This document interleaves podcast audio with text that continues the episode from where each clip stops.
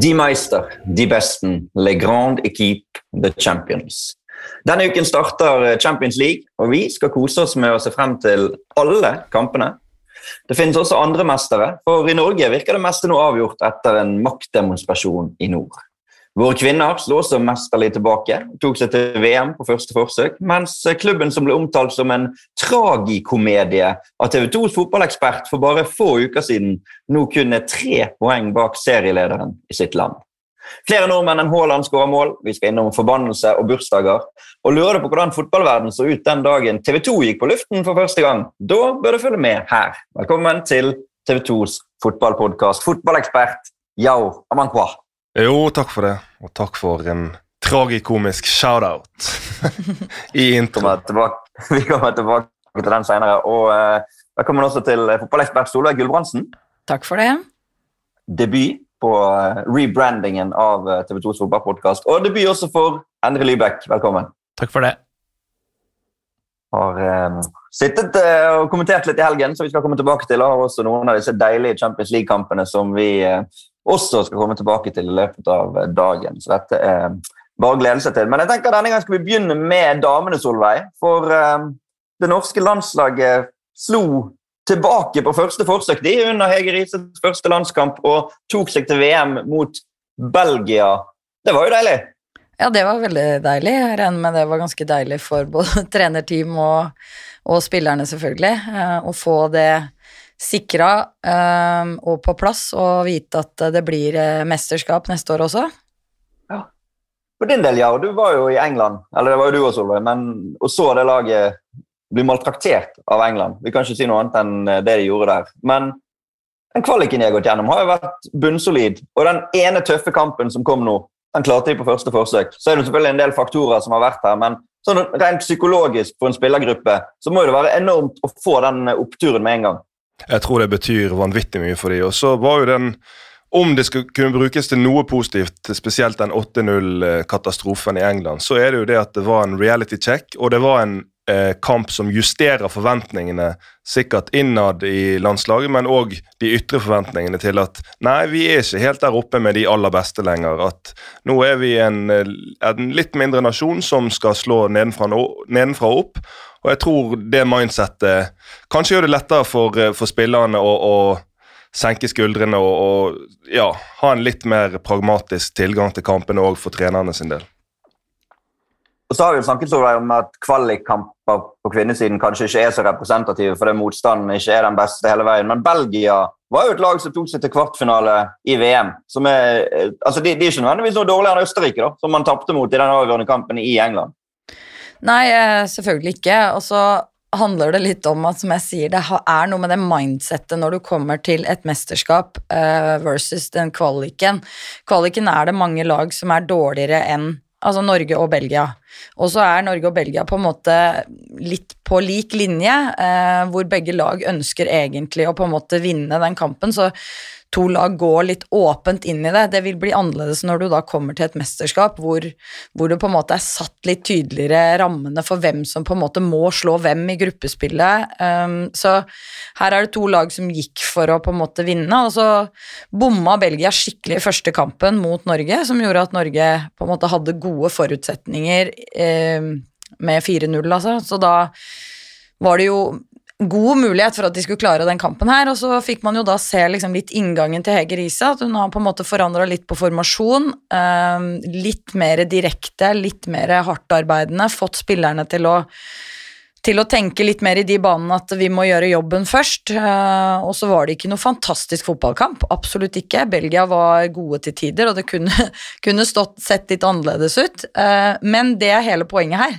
Det er å få Norge til å da vippe disse kampene med innsatsen, uh, og da ja, få det litt mer i sin vei. Da. Så jeg syns jeg syns det var lovende å se litt tendensene, og så har man jo mista en Caroline Graham Hansen, som, som, på en måte skapte nesten alle sjansene for Norge i kvalikkampene og mål, altså vært den som har på en måte vært den offensive bærekraften, da. Ada Hegerberg er en annen type, så vil ikke på en måte De blir veldig mye mer avhengig av laget og at de fungerer sammen da nå, så vi så jo også Ståle Solbakken um, brukte litt tid i starten, han òg, på å få til ting, og få ikke minst Erling Braut Haaland og Martin Ødegaard til å fungere sammen. Eh, det tok litt tid, det òg, så jeg syns det var lovende å se nå at de klarte faktisk å ta den her seieren, og, og, det er liksom noe av det viktigste, tror jeg, den følelsen de sitter igjen med. Um, jeg bare synes det er interessant når jeg sitter og ser den matchen, egentlig, og så på EM også, bare høre med deg, egentlig, da, Solveig, som har spilt med Ada. Jeg bare føler at de, hun kommer veldig sjelden i de gode skåringsposisjoner der hun er best, som vi ofte ser hun i, i Lyon. Hun kommer ofte veldig dypt i banen, veldig ofte langt unna mål. Så jeg tenker, hva, hvis du skulle vært trener, hvordan ville du liksom utnytta henne på best mulig måte? For det er jo kanskje verdens beste spiss vi har her, da. Nei, det er jo øh, i større grad Nå ser man jo at i den kampen her, altså det ble en 4-3-3-4-5-1, og man får kantspillere høyere opp. Øh, før så har det vært en målsetning at det er bekkene som på en måte skulle skape bredden i spillet. Eh, det har vi ikke klart, for vi har ikke dominert kampene godt nok til å få bekkene opp. og sånn som Mot England så var vi ikke i nærheten av å få med bekker i det offensive spillet, og så hadde vi innover kanter. Da får vi jo ikke noe bredde i spillet som kan gi oss innlegg, og jeg mener at innlegg er helt vesentlig for Ada tidlig innlegg, gjerne, eh, eller også da hvis vi etablerer et spill, at det blir pumpa baller inn i boksområdet hvor hun er god, da. Eh, og da må man jo etter hvert lære seg litt. Eh, jeg så noen situasjoner hvor de kunne ha skapt en to mot én og lagt et innlegg, hvor Ada da ville fått muligheter til å bevege seg mer i boksen. Så jeg tror egentlig nå handler det mer om timingen å få det til. Uh, og så så jeg også nå noen situasjoner hvor de slår noen baller litt mer ut i korridor i bakrom tidlig, som gjør at hun kan gå på løp der, da.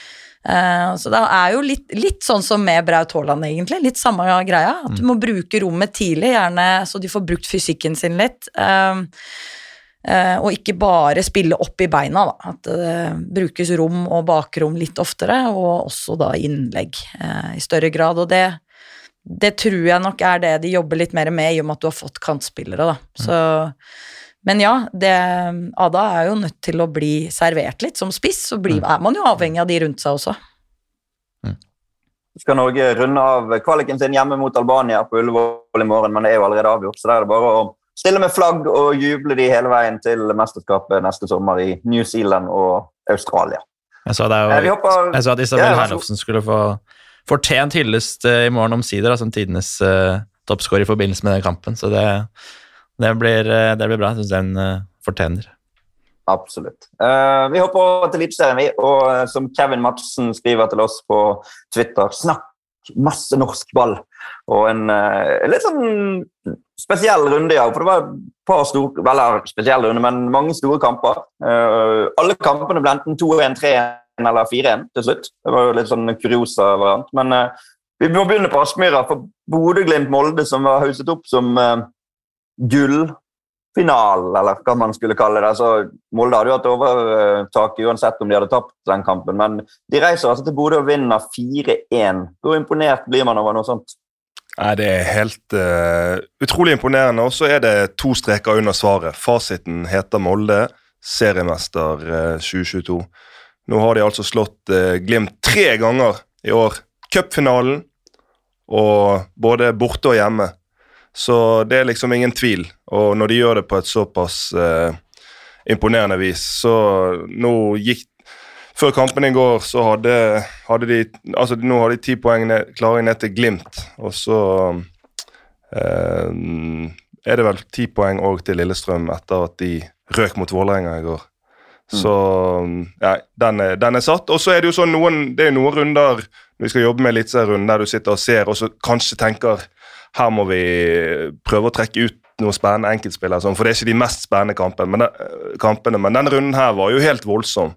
Altså, du, du, fikk jo noen av de saftigste oppgjørene som norsk fotball kan by på. Så ble det rundet av selvfølgelig med, med hovedkampen og festkampen i går på Intility.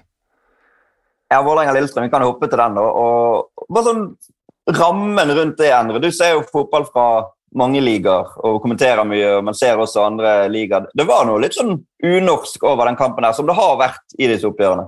Ja, jeg satt og fulgte litt med på um, et annet uh, derby, Milano-derby i helgen. Jeg fikk litt sånn vibber til det òg, med den uh, blussen spesielt. Da, spesielt når, uh, når Vålerenga scorer der, og det siste hvor det bare tar helt fullstendig fyr. og Det er utrolig kult å se, og du får litt sånn vibber på at vi er litt ned, lenger ned på, ned på kontinentet. så og hele den greia rundt der og rammen og det med at uh, Lillestrøm-supporterne ikke kunne gå av på samme T-banestopp som, uh, som Vålerenga-fansen. Sånne ting gjør jo at det blir ekstra fett. Da. Så nei, det var det var mektig å sitte og se på på skjermen for min del. Men Du sier jo unorsk, men det, altså, det trenger jo ikke å være unorsk. Om det er norsk eller ikke, avhenger jo bare hvor eh, norsk vi gjør det til. Og forhåpentligvis eh, nå i de kommende årene, når vi alle sitter litt med følelsen av norsk fotball er på vei inn i en gullalder, så kan jo vi gjøre nettopp disse kampene her til norsk. At dette er noe som gjentar seg flere ganger, oftere og oftere i løpet av en eh, lang sesong. For... Eh for meg da, som er vokst opp på, eh, på Stabæk og sett, vært mye på Nadderud, så er det veldig eksotisk å se sånn som i går, da, hvor det har vært en løpebane rundt og aldri vært noe tilnærming til noe som helst, og ikke engang fullsatt når det er eh, kamp om seriegull og sånn, så er det veldig spesielt. Men jeg er helt enig med ja, og det går an å håpe på flere sånne lignende opplevelser. Uh, senere, da. Men det er jo litt sånn når man snakker om sånn oppmerksomhet og altså Er det høna eller egget? Hva kommer først, på en måte? Men jeg kjente jo på Jeg hadde tenkt å gå på den kampen, men jeg fikk det ikke til. Eh, og så ble jeg sittende og se litt på en hel haug med kamper i går, men jeg var jo innom den kampen også. Men da, da får du følelsen at neste gang har jeg lyst til å gå på kamp. Jeg har lyst til å være der og oppleve det. Så jeg tror det er veldig viktig da, at man får formidla at det, det er litt mer som du sier, da, hvis du ser en kamp fra Nadderud hvor det på en måte er stille og det ikke skjer så mye, og du har løpebanen og de greiene der, så, så får du ikke like lyst da, til, å, til, å, gå på kamp. Så det er noe med det at du må på en måte, vi må på en måte klare å skape det her, og, og at det er noen som drar lasset da, for å få med seg resten. Det ja, tror jeg er viktig. Det er et sinnssykt viktig poeng. Jeg tror at uh, det er diskusjon om det at hvis TV-produktet blir for attraktivt, så er det mange som velger å bli hjemme, eller men jeg tror ikke at det trenger å være noen konflikt i det hele tatt. Og så tror jeg at FOMO, altså fear of missing out, er veldig viktig for, for fotballproduktet. Nettopp sånn som Solveig sier, at hvis du sitter hjemme og bare ser det koket eh, Sånn som f.eks. jeg har sittet og fulgt med på veldig mange brannkamper i år, både borte og hjemme. og Når jeg ser det koket som er på tribunen, og den entusiasmen og spillegleden som er, så får jo jeg FOMO. Altså, da syns jeg det er veldig veldig kjipt å ikke kunne være der live. Mm. Sånn at å, å kunne formidle det, enten det er på TV eller til og med når vi sitter her og snakker, kunne formidle det sånn at folk får lyst til å gå på kamp, det er viktig nøkkel. Merker også bare sånn blant, uh, blant kompiser og andre at det er blitt liksom, sånn som i går å legge ut liksom det på sosiale medier, at det har liksom blitt en, en kul greie. Det begynner å bli litt sånn kul greie å gå på norsk fotball igjen. i hvert fall nå som Vi har mange av de store lagene fra de store byene høyt oppe også, så begynner det å bli en sånn ja, positiv greie. Ja, ja, ja. Og det, så forhåpentligvis kommer vi der at uh, ja, når, uh, når kompisen din legger ut, og så dere snakker om kampen, og så får du en sånn der Faen, var ikke du på kampen? Er du helt, er du helt idiot, eller? Mm. må jeg si at ja, men jeg satt og kommenterte via Real Elche, så det var grunnen til at jeg ikke fikk vært der. Det var godkjent uh, unnskyldning akkurat for denne gang. Um, et lag som har klart dette med å få publikum tilbake på tribunen, er jo Viking, som fikk masse skryt uh, i starten av sesongen. ja, Men det er jo en det er jo et lag man kan dele opp egentlig sesongen i to. Første ti kampene, seks eh, seire, kun ett tap, 21 poeng. Men på de neste elleve har altså Viking tatt åtte poeng. 2-2-7 siden uh, slutten av mai. Og stoppet fullstendig opp. Og nå 1-4 på Lerkendal i går. Vi kan jo begynne med Viking, da, og så kan vi heller snakke Rosenborg etterpå. For det, det har bare stoppet helt opp, det. Ja, vi kan jo gjøre sånn som vi gjør med historien eh, over det hele, der vi snakker om før og etter Kristus. Så i Stavanger kan vi snakke om før og etter Berisha. For det at eh, det salget har vist seg å bli utslagsgivende, sånn som mange fryktet. Og Viking er den store taperen eh, i sommerens overgangsvindu. De har fått inn ja, de har fått inn en Sander Svendsen, men han er han ren spiss? Er han mer enn kant? Han er i hvert fall ingen direkte Berisha-erstatter og, og ser eh, ut som et lag egentlig helt i fritt fall. I går mot Vålerenga så var de rett og slett helt elendige. Og det er etter at de kommer fra et tap mot eh, KBK borte. Sånn at Nei. det er, Og så ser jeg eh, blant supportere nå så er det en vanvittig frustrasjon. For det er nettopp som du sier, mobiliserte jo de voldsomt tidlig i sesongen og har kommet mannsterke både i Europa og i Eliteserien. Og så føler vel de at den takken de får, er at klubben ikke reinvesterer, ikke satser hardt nok på overgangsmarkedet. Mm. Et lag som har satset og som har satset i mange år, men som har hatt litt dupp, fått inn Kjetil Rekdal. Solveig. Du, du, har vært en del av fotball egentlig parallelt med Kjetil Rekdal, både som spiller og som trener. Og Han er en fyr som har stått i mye drit og fått masse kritikk, og Rosenborg-fansen var supernegative. Men nå er de, de er bare ett poeng bak Bodø-Glimt og Lillestrøm. De, med den formkurven de har, kanskje nesten favoritter til å ta sølv bak Molde. Hva tenker du om det som skjer oppe på, på Lerkendal og, og under Rekdal? Ja, altså Jeg har jo ikke fulgt med Rosenborg tett nok, men, men det sånn sett utenifra, på, på litt sånn skråplan, så er det jo litt det der med at man trenger jo litt tid, altså som trener, og, og, ikke minst det her med å få et overgangsvindu, få inn spillere som kanskje er litt sånn din type spillere. Eh, få solgt inn det du ønsker å, å, å liksom, Altså at laget ditt skal stå for, da. Um, så jeg, jeg, så en sånn uh, det var vel Henriksen som hadde en sånn der kapteinsprat her. Og det bare viser jo litt da med at de har jo eh, en blanding av unge og litt eldre spillere. Eh, og så har de i trenerteamet Kjetil Rekdal har jo et ok trenerteam altså rundt seg i tillegg, med, med spillere som også har blitt trenere. Så det er jo en det er jo gode muligheter for å lykkes her, men mm. poenget er jo at det er Rosenborg, og de har dårlig tid. Så, så, du må på en måte prestere ganske kjapt, og så, så Det blir spennende å se, da. Jeg, jeg, vil jo si det. Eh, det ser jo mer lovende ut nå. Og så får vi se da om Kjetil Rekdal klarer å, klarer å dra det i land, og at han ikke blir helt paranoid på alle andre rundt. jeg gleder meg vel. Altså, jo det blir jo veldig veldig gøy hvis Rosenborg gjør det bra nå i høst, får en, og ender opp med en god tabellplassering, og Rekdal har slått tilbake igjen mot all, all kritikken. For det, som er så gøy med Rekdal, er at han er på offensiven, enten om det er på Twitter eller i media generelt, på å slå tilbake igjen. Han får med seg alt som blir skrevet, han får med seg alt som blir sagt.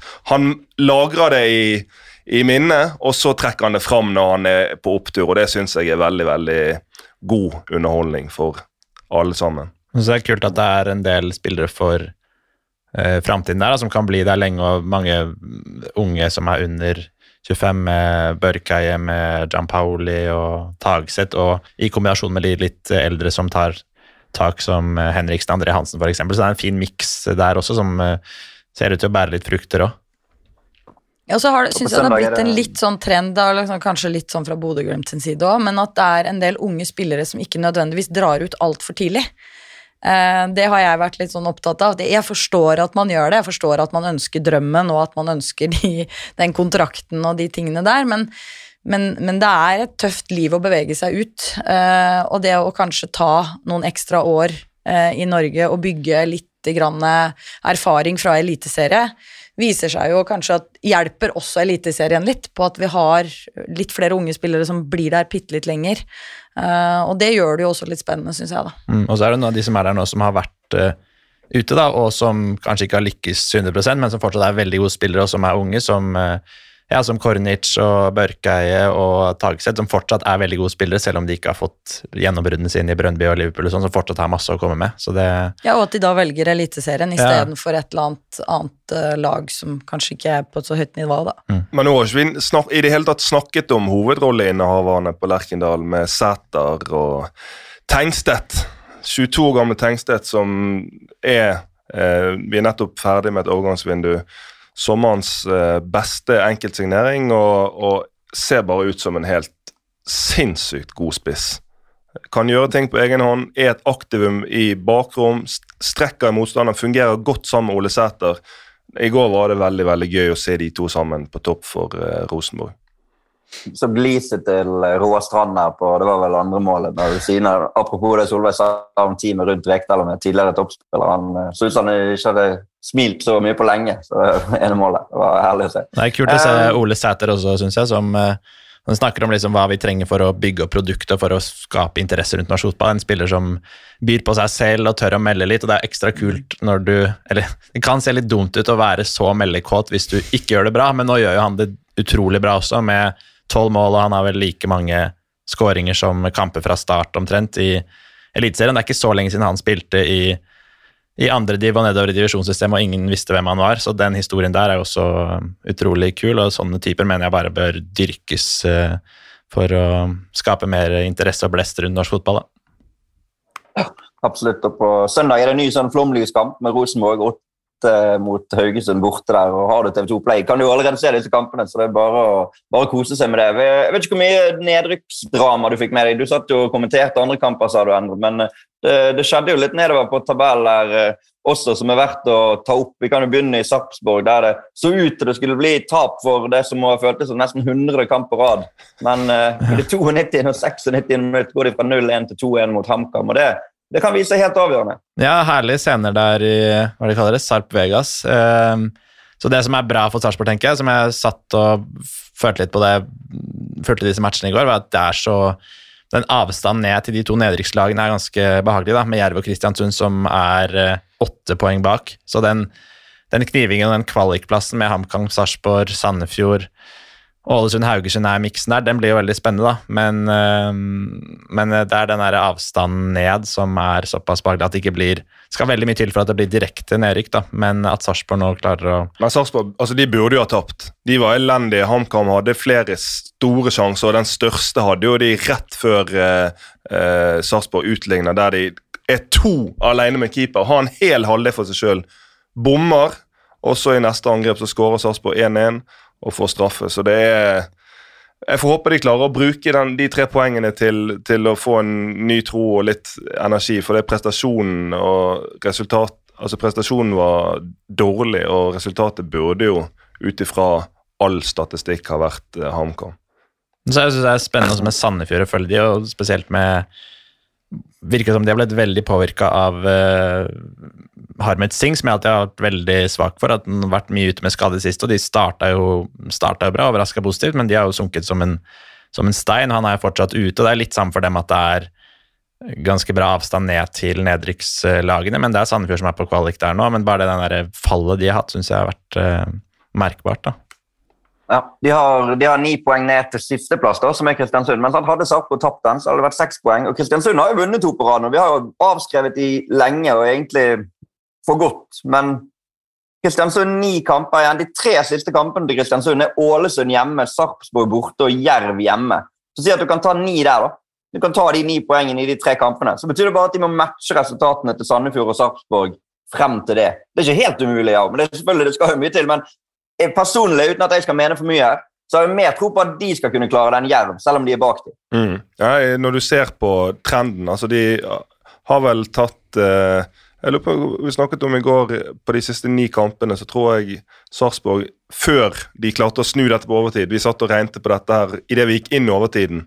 Så hadde Sarpsborg altså null på ni, nå tre på ni, og så hadde eh, Jerv hadde vel ett eller to eller et par poeng på ja, tre. Tre, tre. på ni, og så KBK noe sånt som tolv, eller i hvert fall en betydelig ja. Så de er jo en helt annen eh, trend enn en disse lagene. Så jeg tror det er et godt poeng. Og så hadde vi med Mikkelsen med eh, Han var fra bilen etter Vikingseieren på deadline day, der han innrømte at han mente det var, handlet mer om å ha en drøm enn å ha tro.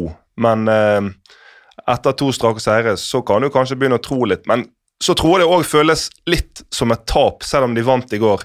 Men når de da kommer, kommer i garderoben på mobilen og ser at HamKam roter dette vekk mot Sarpsborg, så er det jo et vanvittig slag i trynet for KBK. Eh, mm. Absolutt. Uh, Ålesund vinner også viktig seier 2-1 borte mot uh, Strømsgodset. Og Odd uh, 2-1 mot Jerv og Haugesund 2-1 mot Tromsø. Så de, de, tre ser jo på en måte ut til å i hvert fall foreløpig klarer å distansere seg litt fra den der hel, helt ned der. Men, men, det er kort vei ned til kvalik, som vi har sagt. Men bare det der målet Diomande skårer der. Han, det er ikke mange spisser i Norge som har det i seg. Han kommer til å skåre noen mål, han for Odd. Det, ja, det men uh, nå har ikke jeg lest siste nytt, men det ja, ser ut som han fikk seg en stygg uh, strekkskade ja, i leggen. Det smalt skikkelig på et løp han var på vei gjennom.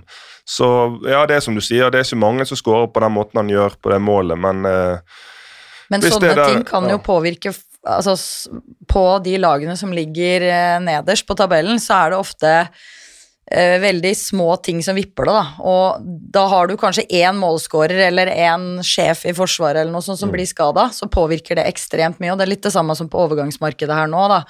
Noen som har fått inn noen som påvirker det positivt, sant? Det, det vipper veldig, da. Og kan liksom skape en kjempetro, som du sier. Det er, det er, en drøm, liksom, men det kan bli en tro fordi du har fått inn noen spillere som, som påvirker deg, også, eller om du får noen skader da, som gjør at spillerne tenker oi, hvem skal score nå, liksom? Ja, det er akkurat det som skjedde med Odd nå. Ja. Så det der er et kjempeslag. Si hvis de jo er ute nå i seks uker, så så er jo det såpass kort tid igjen i sesongen egentlig at han rekker jo knapt å få bidratt noe mer han nå hvis det er en alvorlig strekkskade. Så det er utrolig synd for han, og ikke minst for Odd. Det er Sandefjord-Odd i neste runde. I den grad de lagene spiller derbyer, så er det vel kanskje nesten det nærmeste. I hvert fall Odd kommer. Er litt usikker på geografien. Så nei, det er ikke det Vestfold-Telemark. Så det er ikke, jo, det er ikke samme fylke sånn, engang. Nei, da er du kreativ hvis du mener at det er derby. jo, men så tanke på hvor langt det er til det nærmeste. Ja, du har rett i det. Du har rett i det. det kan godt hende. Uh, vi hopper et lite hakk ned, da, for Branntog stormer videre. 2-0 mot Åsane i lokaloppgjøret i uh, Obos-ligaen. De har 23 poeng ned til Stabæk på tredje, 24 poeng ned til Ranheim på fjerde. Kan i teorien rykke opp i kveld da, hvis ingen av de to lagene vinner. De har jo måtte, eller måttet. De har jo fått lov til å feire ting på mandager i Bergen før etter at Stabæk har avgitt poeng, ja, og det var gjerne du med på i 2007. Ja, da var, men da var jeg nettopp signert. Jeg var ikke offisielt en del av troppen. Jeg var lånt ut igjen. Men jeg husker den, jeg husker den kvelden der, og det var biler som som uh, tutet gjennom Bergen sentrum. og Det var litt sånn som Endre beskriver sydlands. Det var litt sånn, Du trodde du var i Napoli, og ikke i Bergen. Tror du det blir sånn i kveld? Det... Nei, det tror jeg ikke. Med all respekt for Obos-ligaen, så, så, har jo dette opp, opprykket her vært klart såpass lenge at jeg tror det bare blir en deilig bekreftelse for eh, alle bergensere og alle involverte at Brann skal spille Eliteserien til neste år. Det er jo god sammenligning. Napoli og Bergen var der nå forrige helg. og Det er jo den der litt ute i bare sånn Uh, ute i gaten også. Og bare, Da var det jo sol i Bergen, det er det vel ikke så ofte, men bare den der stemningen i gatene, folk sitter ute, det er den passion, det er en uh, lidenskap for fotball der også. Det at vi får Brann tilbake når uh, vi skal ta over rettighetene også, er jo helt nydelig, da. Bak Brann er jo det veldig spennende om de avgjørende plassene der. Kevin Mats 1, Kev Mats 97 skriver til oss på Twitter. Svinger det av Start igjen? Det gjør det jo. 5-3 borte mot Sandnes Ulf gjør at Start nå er nummer seks er inne i kvalikbildet. Men Koffa til eliten er jo kanskje det mest spesielle oppi dette. 3-0 mot Mjøndalen og 1 nummer to med syv kamper igjen. Eh, Endre. Vi har hatt en annen Endre som har sittet her og snakket om eh, Koffa tidligere. Endre Olav Osnes som har spilt der. Men du har fulgt det laget ganske tett, jeg. Ja, jeg har en uh, fetter da, som er i trenerteamet der. Anders. Um, så jeg har jo Fått fulgt dem mye, sett dem mye i år og de siste årene også, egentlig. Og så spiller jeg jo fjerdedivisjon selv, og der har vi Koffa 2, og de stiller ofte med kanskje litt for mange A-lagsspillere, vil noen hevde. Eh, de er i hvert fall veldig sterke der, og ja, vi møtte de, og da spilte jo de omtrent med en halv elver som eh, har spilt i Obos-ligaen, og det er jo eh, skyhøyt nivå. Det som er at de, de rullerer jo veldig mye. Det er det som, noe av det som imponerer meg mest, at det er spillere som som eh, spiller fjerdedivisjon ene uka, og så spiller de førstedivisjon neste uke, og så leverer de på kjempehøyt nivå hver gang. Og så er det på en måte et system der hvor de egentlig ikke har en klar spiss. Det er altså De har to spillere, Robin Rask og Tore Søra, som har seks mål hver, og de er toppskårere på et lag som akkurat nå ligger på direkte opprykksplass til Eliteserien. Eh, og det er bare at alle de spillerne kjenner det systemet så godt, alle kjenner rollene sine. Isnes har vært der over mange år, gjort en kjempejobb, har et trenerteam der med med Mosgaard og Fredheim Holm også, så han ble månedens trener nå i august, og de fikk også månedens spiller og månedens unge spiller, så det gjøres jo veldig mye riktig der.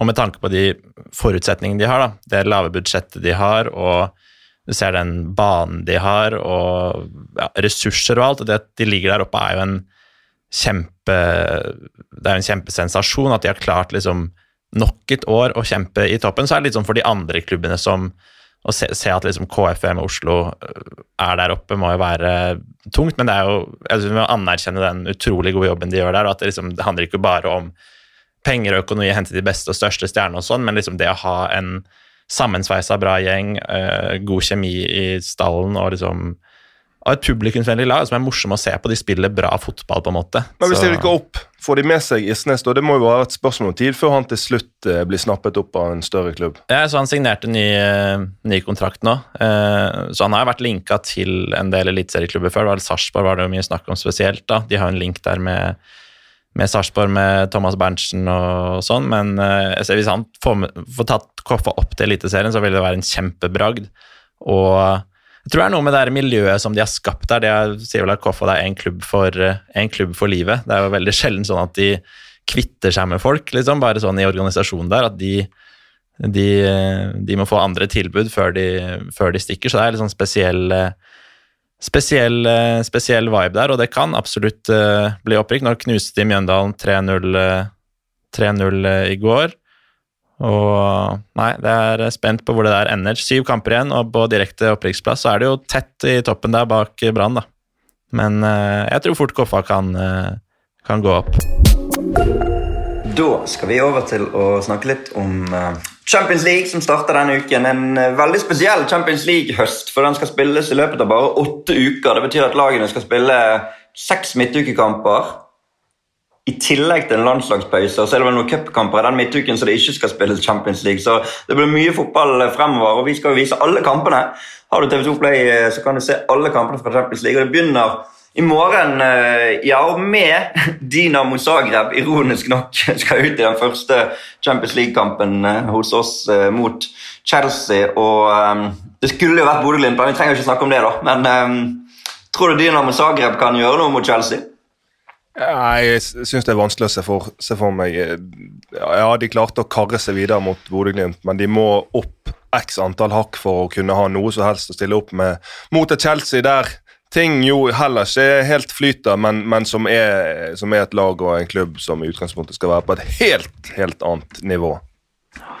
Det er jo Vi har snakket om den heksegryten der nede, men Chelsea er jo vant til å spille Champions League. De er vant til hva det går i der nede. Um... Ja, men den heksegryten den eh, ble jo mye omtalt før den kampen, men det ble, var vel mer en lunken eh, gryte med chili con carne, egentlig. Så, så jeg tror ikke det er sånn at eh, Mason Mount og resten av den gjengen, kan Kanté og disse gutta her får skjelven av å, å spille der nede. Det er sendestart klokken seks på TV2 Sport Premium på tirsdag for de som uh, har lyst til å få med seg alt. Um, Zagreb vant uh, 3-1 mot Rijeka. De, spil Rijeka. de spilte på fredag. Uh, de tilpasser litt der nede, sånn at de kan eh, gjøre det så, så godt som mulig i, eh, engelsk, i engelsk fotball. Gjør man jo ikke nødvendigvis det der. Er TV-ene som bestemmer. De, de må jo tilpasse litt. Men eh, Chelsea imponerte jo ikke voldsomt da de slo Westham i helgen 2-1, og har også gått på et par smeller på bortebane mot Southampton og Leeds, som det er selvfølgelig vanskelig å måle opp mot hverandre, men det, det er ikke nødvendigvis noe svakere dette Zagreb-laget her, Endre, tror du eller? Nei, jeg tenker eh, Men i hvert fall det som er for eh, Chelsea nå, som er positivt. Som du sier, det har eh, lugga, lugga en del. Så er det en veldig sen scoring av Westham der som blir annullert, som Westham-supporteren er uenig i. og men i hvert fall litt, uh, litt marginer Chelsea sin vei i helgen, så det kan jo være en positiv inngang inn mot den matchen. Men det- at de har fått på plass en spiss nå i Aubameyang, tror jeg er veldig positivt, fordi jeg har sittet og sett en del Chelsea-sesonginnledning, og det er veldig tydelig at de mangler en sånn targetman-type som de ville at Lukaku skulle være, som han eh, ikke var i det hele tatt, og at de har måttet spille med spillere som egentlig ikke er spisser her nå. Så det, jeg er veldig spent på å se hvor fort Aubameyang klarer å tilpasse seg inn der. og Hvis han kommer i den formen som han var i for Barca i, i vår, så tror jeg det kan bli veldig, veldig bra. Chelsea har liksom tradisjon også for å få i gang litt eh, si, litt eldre spisser. Vi husker Drogba, Nelka i sin tid. Eh, hentet en del som har vært veldig bra, og som har hatt litt eh, utfordringer andre steder, og så kommet tilbake. Så jeg tror Aubameyang kan passe bra inn der, men spent på å se hvor kjapt eh, eller lang tid det tar før han tilpasser seg der. da. Men han har jo da det som Drogba og Anelka ikke gjorde. De valgte ikke drakt nummer ni. Og det har Aubameyang gjort. Og hvis man ser hvem som har hatt den i Chelsea, Yao Amankwa, de siste årene, så er det jo riktignok Tammy Abraham var brukbar da han kom opp, men Lukaku, Higuain, Morata, Falcao, Fernando Torres Er det en forbannelse? Altså Sånne forbannelser i fotballen, det skal du aldri, aldri kimse av. Og de, de, de har en sånn syk evne til å bare forbli, og myten blir større og større. Men eh, nei, jeg, jeg syns det er en veldig spennende overgang. det der, for I utgangspunktet når du ser Tuchel og det han har bygd opp i Chelsea, og han er jo en mann som helt tydelig, det så vi i PSG òg, helt tydelig vil ha en, en stram struktur og en veldig sånn tydelig og krevende kultur, prestasjonskultur. Og I det bildet passer i utgangspunktet ikke Abomayang inn i det hele tatt. En løssluppen kunstnersjel. Men så har de jobbet før, de har et spesielt forhold, og, og Tuchel er vel eh, sikker på at han er den som kan få holde Abomayang i ørene i London sitt bybilde og få, få det beste ut av han. Du har jo fulgt han mye Solveig, i Arsenal og både sikkert irritert deg og latt deg imponere over det han har prestert på en fotballbane. Men det er jo ingen tvil om at han på sine beste dager i hvert fall er helt der oppe i, i toppklassen når det gjelder europeiske spisser. vel? Eller ikke europeiske, men spisser i Europa. Ja, og jeg syns det var litt sånn vanskelig den siste sesongen i Arsenal òg. At han Jeg syns jo til tider at jeg kunne se at han var en veldig lagspiller og forsto liksom den defensive rollen hadde en arbeidsmoral, men så bare var det noen andre sider som viste helt det motsatte. Så det var litt sånn vanskelig å vite helt hvor han sto hen. Klarte ikke å bli helt klok på um, om det på en måte var utenfor banen-problemer, eller om det var andre ting som gjorde at det ble litt klinsj. Og man veit jo det at spillere og trenere går det ikke helt bra overens, så kan det jo være en del av de tingene også som blir en utfordring. Men, eh, men jeg syns jo at man har sett et snev av en spiller som har ekstremt individuelle ferdigheter, men også har lagspilltendenser, da. Selv om han er den kreative sjelen og er en litt sånn, kan være en løs kanon, så tror jeg liksom Hvis han får det riktige inputen, at dette kan være en veldig, veldig bra signering. Men nå er det en stund siden han har prestert veldig bra over tid, da. Så det er jo ofte litt sånn spennende å se at uh, er det er det nå fortsatt rom for at han uh, er på det nivået, da? Han har hatt sine øyeblikk. Så får vi se om det blir um, Steve Sidwell forresten, og Khalid Bolaros hadde også nummer ni i Chelsea. De bare ødela hele Det kom en forbannelse da de valgte å gi nierdrakten som Jimmy Floyd Hasselbank hadde levert meg i så mange år til de der tullespillerne.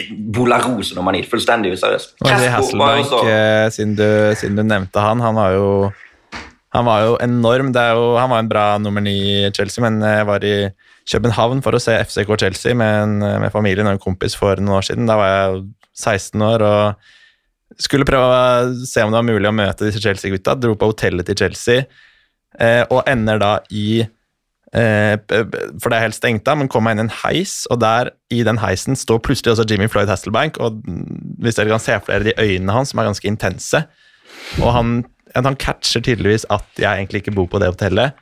Ser meg inn i øynene og bare idet vi skal opp, bare Get the hell out of this elevator, sier han. Og bare, Jeg ble aldri blitt så stiv. da, så Hver gang jeg ser han på, på TV som ekspert, eh, eller hva det er, eller ser noen sånne gamle klipp, så blir jeg nesten litt redd, faktisk. Det var utrolig ubehagelig at liksom han sto der, og de øynene bare lyste opp. og ja, fy fader. Så jeg fikk litt sånn grøsninger da du nevnte Jimmy Floyd Hasselbank her, Helge. Men eh, får håpe Aubameyang kan gjøre det like bra som Hasselbank med nummer ni for hans del. da. Jeg må bare beklage, det var absolutt ikke meningen. dette visste jeg ikke om, men uh, Du kan heller få lov til å snakke om den andre kampen i gruppen. da, for uh, Du nevnte jo at du satt og så Milan-Inter i byderbyet i helgen. og Milan uh, er jo på toppen av seriatabellen sammen med Napoli. De er bak på målforskjell og skal møte Salzburg i sin første kamp. Red Bull Salzburg borte. TV2 Play begynner klokken ni den kampen. Hva får vi av Milan? Nå har de vunnet ligaen, og de skal inn i Champions League som regjerende mester. Det er en optimisme rundt den gamle storklubben nå. Ja, det er det, og det er eh, det er eh, et lag som eh, Ja, de vant jo Scudetto forrige sesong, som du sa, foran Inter. Det er sånn herlig rivaleri i toppen der med Milano-klubbene. og så har Milan fortsatt der de slapp forrige sesong. Spesielt Leao og Giroud så veldig bra ut mot Inter, de to sammen. Nå er Zlatan fortsatt ute en stund, han står på sidelinja og, og heier, men det Milan-laget er veldig spennende, og det er mye ungt også. Det var jo da de hadde storhetstiden med Champions League-finaler på rekke og rad der midt på 2000-tallet, så var det jo mye gammelt, og det var bare sånn at man satt og venta på at Cedorf, Nesta, Gattuso, Pirlo og disse gutta skulle gi seg, og da hadde de på en måte ikke noe eh, ny generasjon på gang. Nå er det et lag som kan dominere italiensk fotball og toppen der lenge, med ja, Hernandez, Tomori, Kalulu, Calabria, Tonali, det Ketelær som de henta nå i sommer, Leao Giro er jo ikke en av de unge lovende, da. Men uh, det er et veldig spennende lag som, uh, som drives veldig bra av uh, Pioli. Så er det ofte under Pioli at lagene hans pleier å stagnere litt etter hvert. Men med det Milan-laget her så ser det ut som det er en sånn skikkelig go i, i det laget. Så jeg selv får meg fort at det er Chelsea og Milan som går videre fra den, fra den gruppa der. Noe annet ville vel vært veldig overraskende. Vanskelig å vite helt hvor man har Red Bull Salzburg. De 6-0-1 i hjemlig liga de har jo satt litt preg på europacupene. Men eh, det er altså gruppe E. Gruppe F eh, begynner samtidig som denne kampen går. Der spiller RB Leipzig mot Shakhtar og Celtic mot Real Madrid. Leipzig tapte 0-4 for Eintracht Frankfurt i Bundesliga helgen, mens Shakhtar Donetsk skal da spille sin første europacupkamp siden det brøt ut krig i landet. Ja, og Det er selvfølgelig umulig for oss å identifisere oss med noe som helst rundt dette, men det kommer til å bli spesielt uh, å se de også utover, når man vet det bakteppet en del av de spillerne har, og, og i de omgivelsene Ukraina er i for tiden, og dette er riktignok en bortekamp i, i Tyskland. Ja, det, altså Vi opplevde jo litt av det med disse VM-kvalikkampene til mm. Ukraina. Så er det jo spillere i sjakter og, og, der de bakhistoriene og ting de har opplevd det siste, ja, siste året, som er nesten utenfor fatteevne. Og vi snakker om, altså Jeg har vært spiller sjøl, jeg vet hvor vanskelig det kan være å holde fokus om du har altså alt fra trøbbel på hjemmebane til trivielle problemer. Og det å skulle holde fokus og mobilisere inn mot Champions League under de omstendighetene de er. Det er nesten umenneskelig. Men så er det jo eh, mange av disse spillerne til, til Ukraina sitt landslag som har uttalt at fotballen da blir et fristed og at de syntes det var så vanvittig deilig å kunne fokusere på de landskampene. Eh, fordi at det ble en litt sånn flukt fra den hverdagen som de står i. Sånn at forhåpentligvis klarer Sjakta-spillerne å få brukt fotballen litt på samme måte under det som er rett og slett en helt jævlig situasjon. Mm. De har jo de har begynt å spille seriefotball igjen. De stoppet jo serien i Ukraina i vår, men uh, Shakhtar har um, syv poeng på de tre første kampene sine i hjemlig serie nå før de, før de møter Leipzig, som uh, har kommet noe skeivere ut i, i Bare for å skyte inn der, så er det en spiller som jeg holder et ekstra øye på i Shakhtar, som heter noe sånt som Jeg husker ikke fornavn, men han heter um, Modric. Mo litt usikker på uttalen der, men det er i hvert fall et um, supertalent som uh, har vært rykt, linket både til Brentford og uh, Arsenal, vel, i vinduet. Som Grunnen til at jeg følger med på han, er at jeg faktisk har spilt mot han på en treningsleir for Hobro mot Sjakter. Og da var han, det, Dette var tilbake i 2018, og da var, jeg ante jo ikke Så oppleste jeg ikke at jeg visste navnet på alle. Jeg visste hvem Tyson var. Mm. Og så var det en eh, Han var vel 17-18 på den tiden, som bare herjet totalt på midtbanen. Og så mm. har jeg sett navnet hans har dukket opp nå i løpet av overgangsvinduet. Ja, stemmer det. Jeg så, eh, når du, sa, du høres nesten ut som Luka Modric når du sa det, men det skrives med en sånn Mudryk. Ja, Modric, ja, der sier du noe. Men, jo, da, men, jeg, skal, jeg, jeg, tror ikke jeg har uttalen helt perfekt. Det... Nei, men, eh, nei, men det er sant. Det. Men det er i hvert fall en spiller som jeg tror kan være verdt å følge med på. Absolutt. Og Celtic Real Madrid er i hvert fall verdt å følge med på på TV2 Sport 1 hvis du har den. For hjemmekamper til Celtic i Europa er alltid spesielt. Selv om eh, sist de spilte europacupkamp, så røk de jo eh, 1-5 for Bodø-Glimt i Conference League i vår. Men nå er det Real Madrid som står på motsatt side. og... Eh, Venitius Rodrigo seiret eh, 2-1 mot Real Betis i helgen. Har vunnet alt i La Liga og toppet uh, La Liga i fjor, vant Champions League i fjor. Jeg har tidligere sagt at det der Angelotti-flyten er nødt til å ta slutt snart. Men uh, hva tror du, uh, Endre? Er det, er det, Real Madrid man skal se mest opp for i år og i Champions League?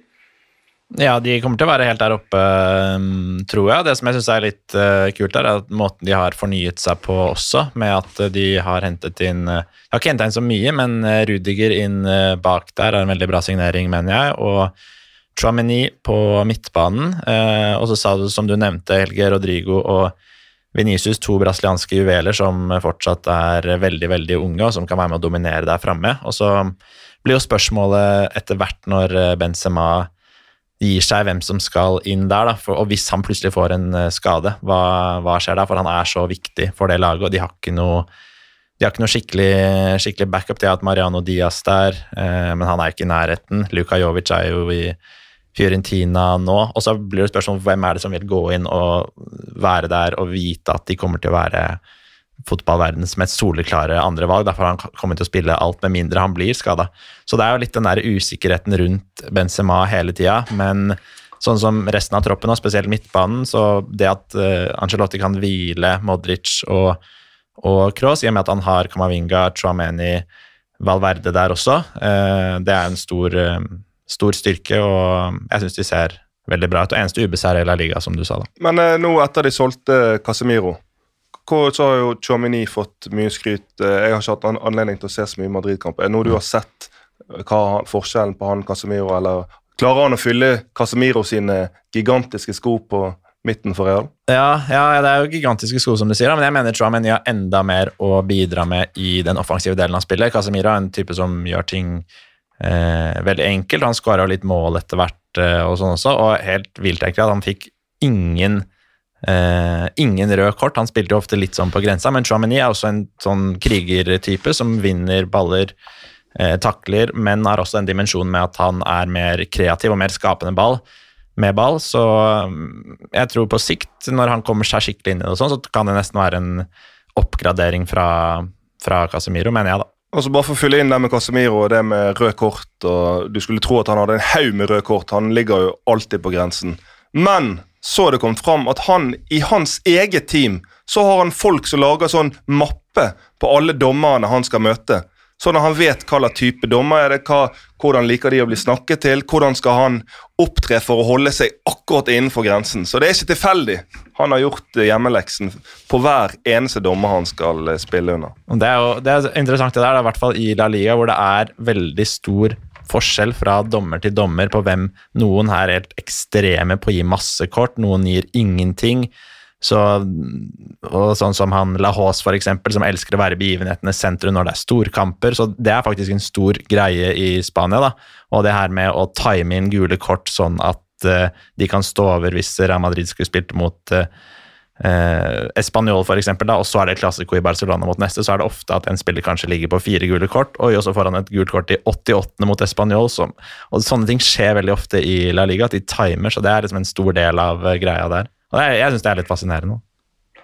Ta med at uh, Celtic vant 4-0 i Old Firm uh, Derby mot Rangers i helgen og er på en skikkelig opptur inn mot denne kampen. her. Det var gruppe F, så det er gruppe G. Der er det også en tidlig kamp mellom Dortmund og FC København på TV2 Sport Premium 2. FCK FCK tilbake i eh, Champions League-gruppespill for første gang siden 2016. Nå under Gjest Torup. Ståle Solbakken var jo selvfølgelig trener eh, sist gang. Har fått en litt variabel start i Superligaen med 4-0-4 og er nummer seks der. Og Du har jo vært i Superligaen, ja. og Det er jo ikke et styrketegn at FCK ikke topper der hvis de skal inn og være et godt lag i Europa igjen. Men de har jo vist tidligere også at de har kunnet være bedre i Europa enn hjemme, kanskje. Ja, altså det har de vist i kvaliken og disse avgjørende kampene for å komme seg inn i Champions League. At de klarer å skape en stemning, spesielt på, i, i, parken, og klarer å mobilisere, som gjør at de kommer opp på et mye høyere nivå eh, spillmessig enn det de har klart på, egentlig på veldig lenge i, i Superligaen. Så mm. det er jo det de må satse på, at denne her at den Champions League-hymnen bare gir spillerne en noen superkrefter som de ikke har til vanlig. Mm. For Dortmund så er det jo da eh, Champions League-hymne uten eh, den som har sunget den høyest kanskje av alle spillerne deres, i hvert fall de siste par årene. Erling Braut Haaland med Champions League-livet uten han, som starter nå. Men de er eh, foran Bayern München på tabell i Bundesliga. De har tolv poeng på, på, fem kamper. Vant 1-0 mot Hoffenheim i helgen. Marco Royce skåret der. Men Eh, storkampen i denne gruppen på eh, tirsdag er jo Sevilla mot Manchester City fra klokken ni på TV2 Sport eh, Premium og nevnte Haaland som skal ut og synge hymne og sannsynligvis skåre mål igjen. Han skåret vel fire mål på to kamper mot Sevilla i uh, åttendedelsfinalen i fjor vår. så Solveig, du, du, har jo sett mye Haaland opp igjennom årene, men man slutter jo aldri å la seg imponere over det han klarer å få til. Nei, det er uh, det, altså, Hvis du noen gang skal bruke et ord litt sånn sinnssykt og sjukt, så jeg føler jeg det er i denne sammenheng. For det mm det er utrolig imponerende. Selv om han blir plassert i et av verdens beste lag som skaper masse målsjanser, så, så skal du allikevel score, da. Eh, og du skal allikevel være på plass i de situasjonene, og det og ikke minst takle det presset uh, og den oppmerksomheten han får, og hvordan livet hans har forandra seg på kort tid. Det, Nei, det er rett og slett imponerende hvordan han har eh, klart å håndtere det her. Sånn eh, overall, da. Ikke bare på banen, men altså utafor òg. Klare å bare være, være i form og eh, mentalt og fysisk. Så veldig imponert over det han presterer. Siden vi satt her sist, eh, så har han skåret fire i Premier League på to kamper. Hat trick mot Nottingham i midtuken og skåring igjen mot Aston Villa. Vi nevnte sist at vi kan få for første gang en nordmann som blir kåret til månedens spiller i Premier League. og Det vil overraske meg voldsomt hvis ikke han, hvis ikke han får den prisen for sine prestasjoner i august. Og Nå skal han opp mot Ja, et. Sevilla-forsvar som Ja, den er klink. ja. Uh, et Sevilla-forsvar som ryker 0-3 i helgen for Barcelona. Endre. Vi fikk et spørsmål her på, på Twitter uh, fra Jørn Henland. Har Sevilla hatt den største nedgraderingen i forsvar fra én sesong til neste vi har sett noen gang? Har de det?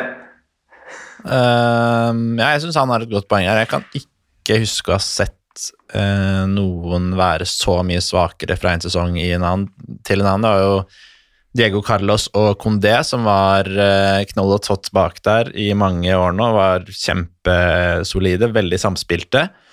Eh, og Sevilla var med stykket helt inn og var egentlig de eneste utfordrerne til Real Madrid lenge forrige sesong i, i La Liga. Og så var det veldig mange kamper som de ikke klarte å bikke i deres favør, som endte uavgjorte, men eh, de klarte topp fire nok en gang, og det er imponerende. Også denne sesongen her har det vært katastrofe. Det har vært helt krise. Nå mista de eh, Diego Carlos og Condé i sommer, og de har ikke klart å erstatte dem på tilstrekkelig vis. De ligger på 16.-plass i La Liga. De har ett poeng på fire kamper.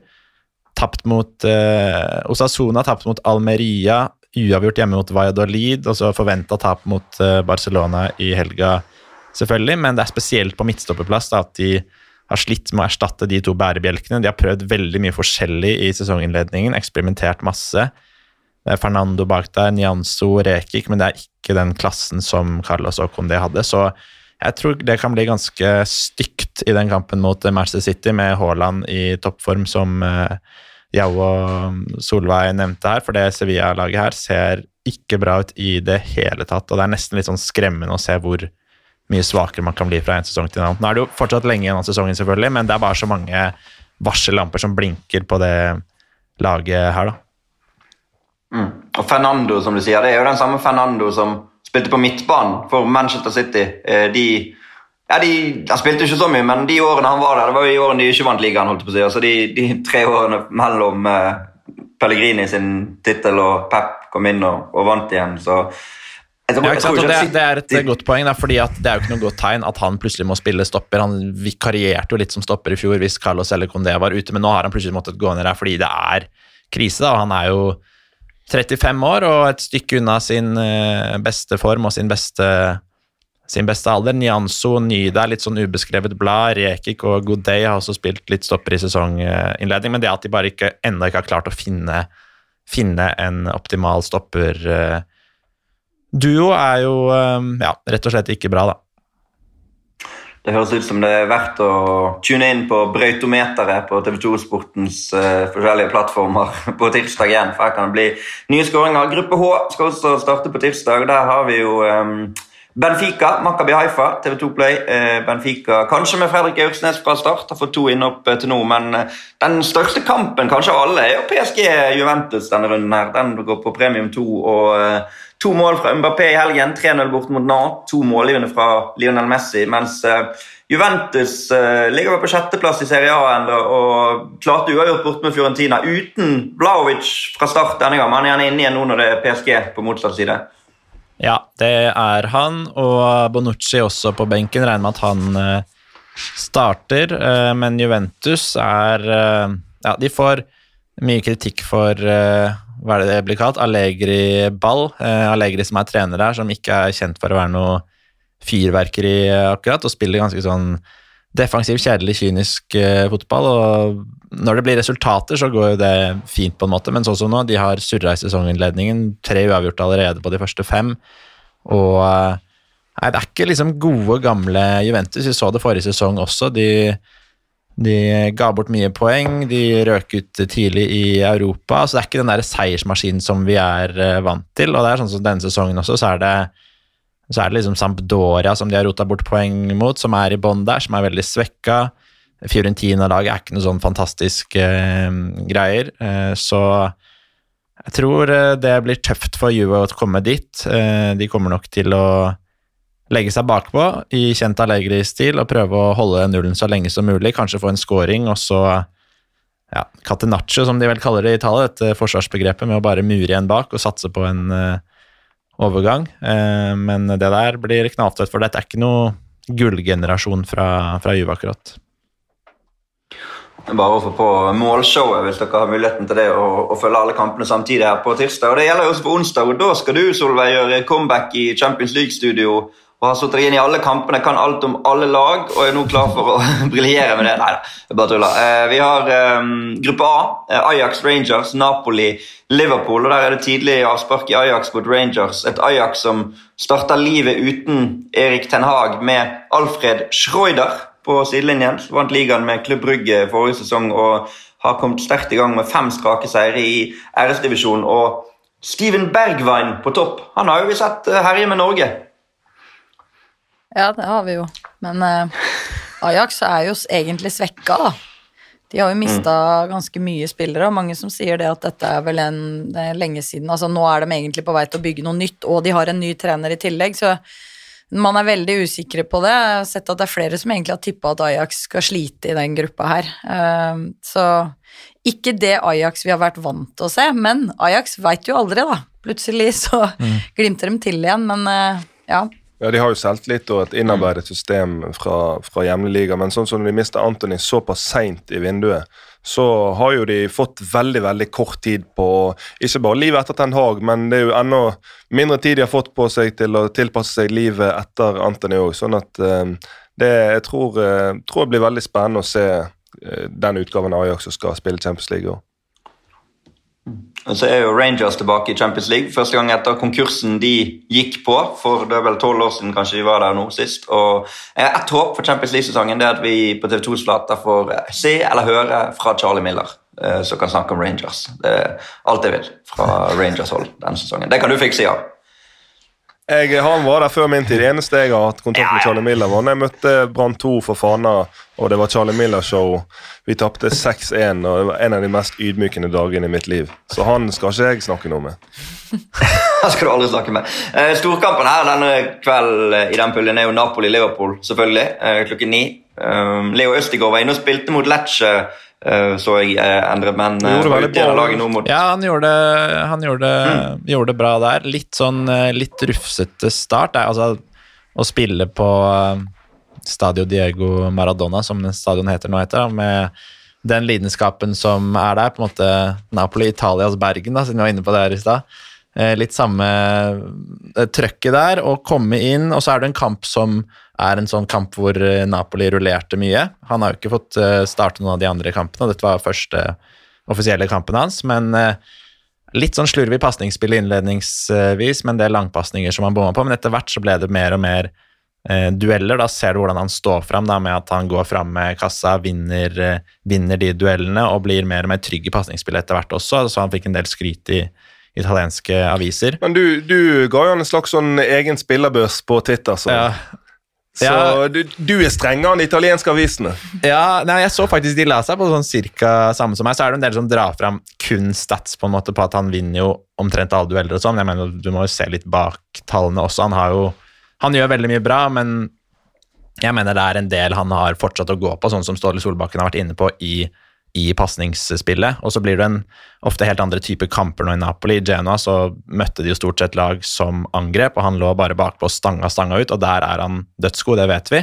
Og nå i en kamp som for Napoli mot Lecce, hvor de må styre mer, og Lecce ligger med samtlige inne på egen halvdel, så må han ha mer å komme med eh, offensivt da, og med ball i fot. Og jeg mener fortsatt han har litt å gå på der, selv om han har tatt store steg siden tiden i ja, Brighton spesielt, kanskje. da. Eh, men akkurat nå så er det jo Ramani og eh, han nye fra Sør-Korea der, Kim, som er foran han i køen, virker det som. Og så er det et stort hull å tette i det hele tatt i midtforsvaret etter at Kolibali stakk i sommer da, for Napoli. Han var jo en talisman bak der og den store, store stjerna. Så det er jo litt sånn Hvis det er et tidspunkt Østigård skal komme til Napoli på og kjempe om en plass der, så er det jo på en måte eh, nå. La, jeg mener i hvert fall Han la vel inn gode aksjer for å få spille mer i den kampen mot Lecce, og så kommer det til å komme flere muligheter fordi at de er med i Serie A og Champions League og Coppa Italia etter hvert eh, også. Og de type kampene i Champions League kan jo, mener jeg, passe han kanskje enda bedre, for da kommer ikke Napoli til å ha så mye ball som de ofte har mot disse litt sånn provinslagene i Serie A, som Lecce og Empoli og sånn. Så um, det kan fort være at han blir en litt sånn jokertype i, i Champions League for, uh, for Napoli. Kim skåret jo mot Lazio i helgen. Eh, kan for øvrig anbefale våre nettsider for en strålende nettsak med Leo Østegård. Arild S var nede og besøkte han eh, sammen med våre eminente fotografer og fikk en strålende sak. Så det er inn der og lese om eh, hvordan Østegård følte det var å forlate Brighton, annet. Det var ikke så enkelt. Nevner kanskje det kan bli Champions League-spill på han. Det å stå og stange Liverpool har jo stått og stanget en stund her nå, Solveig. Hva kan vi forvente av Liverpool etter at de Spilte 0-0 mot Everton i helgen. Det var jo helt vanvittig selvfølgelig at det ikke ble mål der, men de har ikke kommet helt i gang. Nei, og det, hvis du spør hva jeg forventer, så er det kanskje første gang på lenge at jeg egentlig ikke vet helt hva jeg kan forvente. Um, mm. Det har vært et lag som du har på en måte visst Det har vært et maskineri. Det har vært en, en van Dijk som bare har uh, styrt skuta bak der og hatt full kontroll. Eh, er, den følelsen sitter man ikke med akkurat nå. Eh, og så har de mye skader. Det er, det er mange grunner for det. Eh, de har mista noen over tid nå. En del sånne bærebjelkespillere som handler om litt sånn kultur i et lag òg. Så det er litt vanskelig å si, akkurat utgaven. Og de møter et Napoli som er altså Som er, vil være vanskelig å møte. Det er et lag som løper mye og er gode i høyt press. Eh, er gode med ball sjøl. Eh, så det er eh, det, Jeg tror det her kan bli en skikkelig bra fotballkamp, rett og slett. Så jeg gleder meg veldig. Jeg er enig med, helt enig med Sola. Det som er litt interessant også med med det Napoli-laget, at det var jo kjempedårlig stemning i sommer, for de mista da, som nevnt her, Kolibali. Eh, Insigne, som har vært med lenge og vært en bærebjelke der. Eh, så de var så, blitt sett på som veldig svekka, men så har de hatt en egentlig ganske bra sesongstart. Da. Så har de ikke møtt liksom de store, gode topplagene enda, men eh, den stemninga som var der i sommer, med ja, Fabian Ruiz også ut, og Milik gikk jo til eh, Juventus også, så er det ikke det gode gamle Napoli som vi husker under eh, Sarri, hvor de spilte herlig fotball og var med å kjempe i, i toppen. De var langt unna forrige sesong, så på en, på en dag hvor det meste ja, Det skal gå veldig mye riktig, mener jeg, for Napoli hvis de skal få med seg noe fra den kampen mot Liverpool, men så er det jo den stemninga som er som kommer til å være helt ellevill på, på Maradona der, og de elsker disse Champions League-kveldene, men jeg mener Liverpool er et mye bedre fotballag. Man kan bli litt lurt av de resultatene Napoli hatt i sesonginnledningen. da. Vi får se på det. Det var gruppe A. Gruppe B så er det Klubb Brygge mot Leverkosen på TV2 Play og Atletico mot Porto på TV2 Sport 1. Klubb Brygge vant 4-0 mot Serkle Brygge. Det har vært sånn derbyhelg i helgen eh, over hele Europa, tror jeg. Uh, mens Leverkosen tapte for Freiburg, men Callum Hudson og Doy kom inn. Hadde målgivende pasning til eh, Patrick Schick, så det ble spennende å følge han uh, utover. Atletico og Porto er vel forventet å være de to sterkeste lagene i denne gruppen, selv om selvfølgelig de andre kan melde seg på. Du kommenterte Atletico i helgen, uh, Endre, mot Real Sociedad. det ble 1-1, um, men Champions League og Diego Simione det er et eller annet spesielt der òg, syns jeg. Ja, det er det. det er jo ja, Atletico og eh, Porto, store favorittene til å ta seg videre fra gruppa der. Og de to lagene møtes jo ganske ofte i Champions League. Det er vel tredje gangen nå eh, at de møtes i gruppespillet. Men Atletico de slurva jo veldig forrige sesong, spesielt defensivt. Altså fikk man litt sånn følelse av at det her er det noe som ikke stemmer i det hele tatt. De hadde aldri hatt så mange baklengsmål som de hadde eh, forrige sesong. Under Simione har de aldri hatt så mange. Eh, innslupne mål. Og det sånn Jan Oblak, som pleier å være en skikkelig blekksprut og ta alt som kommer, han så ut som en skikkelig skygge av seg selv. og altså Det har ikke vært gode gamle Atletico. Sesongstarten også så har det vært uh, mye rusk. De har tapt hjemme mot uh, Villarreal. De avga poeng nå i helgen mot uh, Real Sociedad. Selv om det er jo tøft å spille borte mot Real Sociedad, så er det ikke, er ikke kjempemye positivisme rundt Atletico. Um, og det er litt sånn, De starta sesongen eh, bra med å slå Chetaffe 3-0 borte. Da var de veldig gode, og da var det litt sånn at folk forventa ok, nå kommer de til å trøkke på og kjøre på videre. Og så legger de seg veldig bakpå mot Villarreal og spiller ultradefensivt. Og så er det jo sånn at vi kjenner jo Simione og vet at det er det er ikke noe festfotball når de skal eh, spille. Det er, eh, handler om å vinne, og det er kamp for kamp, og det er ofte kynisme og, og den pakka der. og så er det litt nytt Atletico nå med Aksel Witzel som midtstopper. kjører Trebekslinje nå, varierte jo en del forrige sesong. så han har eksperimentert litt mer, Simione. Og så er det jo også en spennende situasjon på topp der med Griezmann som bare har kommet inn etter rett etter at det har spilt en time i hver kamp den sesongen. Da, for det er en sånn klausul i den uh, en utkjøpsklausul, eh, siden han uh, fortsatt er eid av Barcelona, at hvis han spiller mer enn en time, så må Atletico betale ganske mye, så de bare unngår at han spiller noe mer enn en halvtime per kamp. Så det er nesten sånn mm, parodisk å se hvor ofte han kommer inn når det er spilt 62-63 minutter. Da. Så, men for framover så har de jo mye å velge i. Der er det jo Griezmann, det er Korea, det er Felix, det er uh, Konya. Eh, men eh, det er, liksom, det er ikke så mye nytt fra år til år på Atletico. Da. De fornyer seg ikke så mye. Det er ikke så mye spennende ut og inn, men de bør jo selvfølgelig vinne den gruppa. Er heldig med trekningen, mener jeg, den sesongen her, da. Ja, vi får se. Og Porto, som du sa, også favoritt å gå videre der. De har eh, Fire seire på de første fem. i Portugal ligger på tredjeplass og skal jo videre og møte Liverpool i åttedelsfinalen. Det er jo på en måte sånn det pleier å være i Champions League. Eh, gruppe C, Barcelona mot Victoria Pilsen og Inter mot Bayern. Um, fått et Twitter-spørsmål der fra Sander Sandvik, som spør kan Barcelona true de engelske klubbene pluss Bayern og PSG i Europa i år. Um, tror vi det, Solveig? Altså, Barcelona har kommet godt i gang, um, men de har jo allikevel, i hvert fall de siste årene, hatt et stykke opp til disse lagene i Europa. Og så har jo de dummet seg ut da, i Champions League når det har tettet seg til. Men uh, de er gjerne en bredere tropp nå og bedre rustet til å kunne klare det.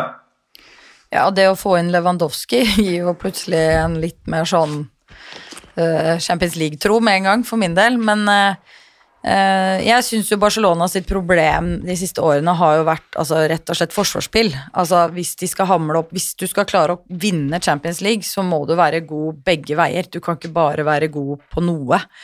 Og det Så det er liksom kanskje det som på det nivået hvor jeg har tenkt at ikke de har helt klart å stå imot, eller se ut som de beste, da.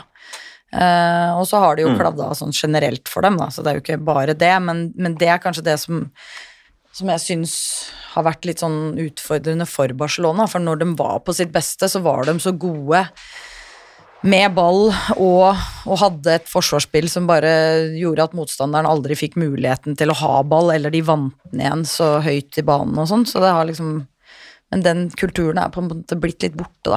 Men eh, når du spør her om de kan hamle opp med de engelske lagene så er det jo ikke akkurat noe publag. det når du ser gjennom spillerne de har, så får jeg nesten lyst til å spørre om det har klikket for deg som spør spørsmålet. Altså Et forsøk kan mønstre Araujo og Gondé bak og plassere Ja, Piquet sitter på benken, Hordi Alba er på benken. Og så Bare benken bør jo besvare spørsmålet ditt. Frenkie de Jong på benken, som vi har snakket om. Uh, Depay er på benken, og så Lewandowski nå på topp. Busquets, still going strong. Pedri, et av internasjonal fotball sine aller, aller største Kanskje feil å si talent, han er jo nå ganske etablert, men uh, i hvert fall største begavelser. Dembélé på en god dag er jo helt der oppe. Rafinha inn.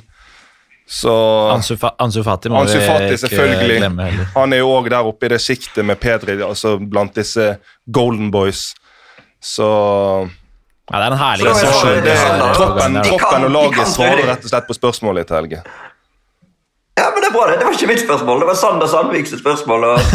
ja, Legger skylda på Sander. Eh, Twitter-Sander. Der må Sander gå i seg sjøl. Ta seg en spansk bolle. Så spør. Det er, det er et veldig spennende, spennende, lag de har på gang. Og så mm, tror jeg Xavi også er veldig riktig mann til å ta det her uh, videre, da, som har det Barcelona-DNA i seg. Uh, som har blitt trent av Pep, og som var med på den forrige gullalderen. og det er litt, uh, Se på den midtbanen med Gavi, Pedri, disse små, smidige, dynamiske midtbanespillerne som er herlige å se på. og Så er det kraft fremover i banen, og så har de en skikkelig bredde i stallen nå også. Så var det sånn merkelig forrige sesong med Barcelona, hvor de var plutselig det laget som scora flest på headinger.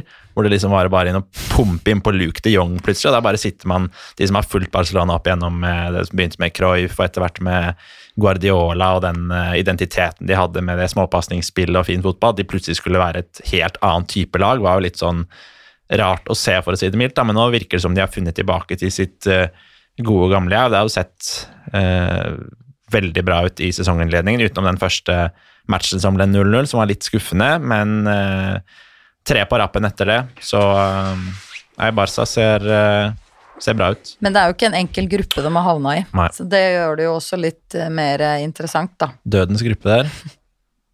Mm, og Inter Bayern er jo nok en sånn skikkelig godbit i første runde. der. Bayern som etter at vi sa at de kom til å vinne alt, har eh, faktisk blitt forbigått på tabellen i Bundesliga av to klubber nå, både Freiburg og, og Dortmund. Spilte 1-1 mot Union Berlin i helgen. Eh, og Inter, selv om de tapte for Milan eh, er jo en skikkelig nøtt i denne gruppen. og Hvis Bayern ikke skulle vinne denne, så er de plutselig på etterskudd med en gang. Og hvis de kommer på etterskudd og skulle ryke tidlig i årets Champions League, så tror jeg allerede at Nagelsmann vil havne i en sånn vanskelig situasjon. For det, det å vinne Bundesliga er jo ikke i nærheten av godt nok eh, i forhold til de ytre forventningene som er til en Bayern München-trener. Sånn at En tidlig exit eh, i år, så tror jeg han begynner å svette etter at de røk mot Villarreal eh, i kvarten i fjor. Jeg tror uh, Ja, jeg har fulgt Inter litt. Det er vanskelig for meg å se for meg om at Inter skal klare å ta seg videre fra den gruppa der, egentlig. Sånn som de har åpna sesongen. De har to tap allerede. Tapte i helgen mot Milan og tapte mot, tapte mot Lazio, så det um, ligner ikke helt på det mesterlaget Inter hadde under eh, Conte som vant Scudettoen. og var det, jo, det er omtrent samme lag, egentlig, samme gjengen. De mangler Hakimi, selvfølgelig, som, som dro. Og Lukaku er jo vært ute med en skade nå. Ikke helt sånn sitt gode, gamle jeg. Og Perisic er heller ikke der, men ellers er det stort sett de samme. Men uh, det er mye slurv, spesielt bakover, hos Inter. Det begynner nesten å bli sånn tempoproblemer på de Frey spesielt har slitt stort. Skrinjar og Bastoni ikke vært sånn som før, og det rakna litt bak der, rett og slett. Handanovic begynner å bli gammel. Mange vil se Onana inn, den nye keeperen de henta.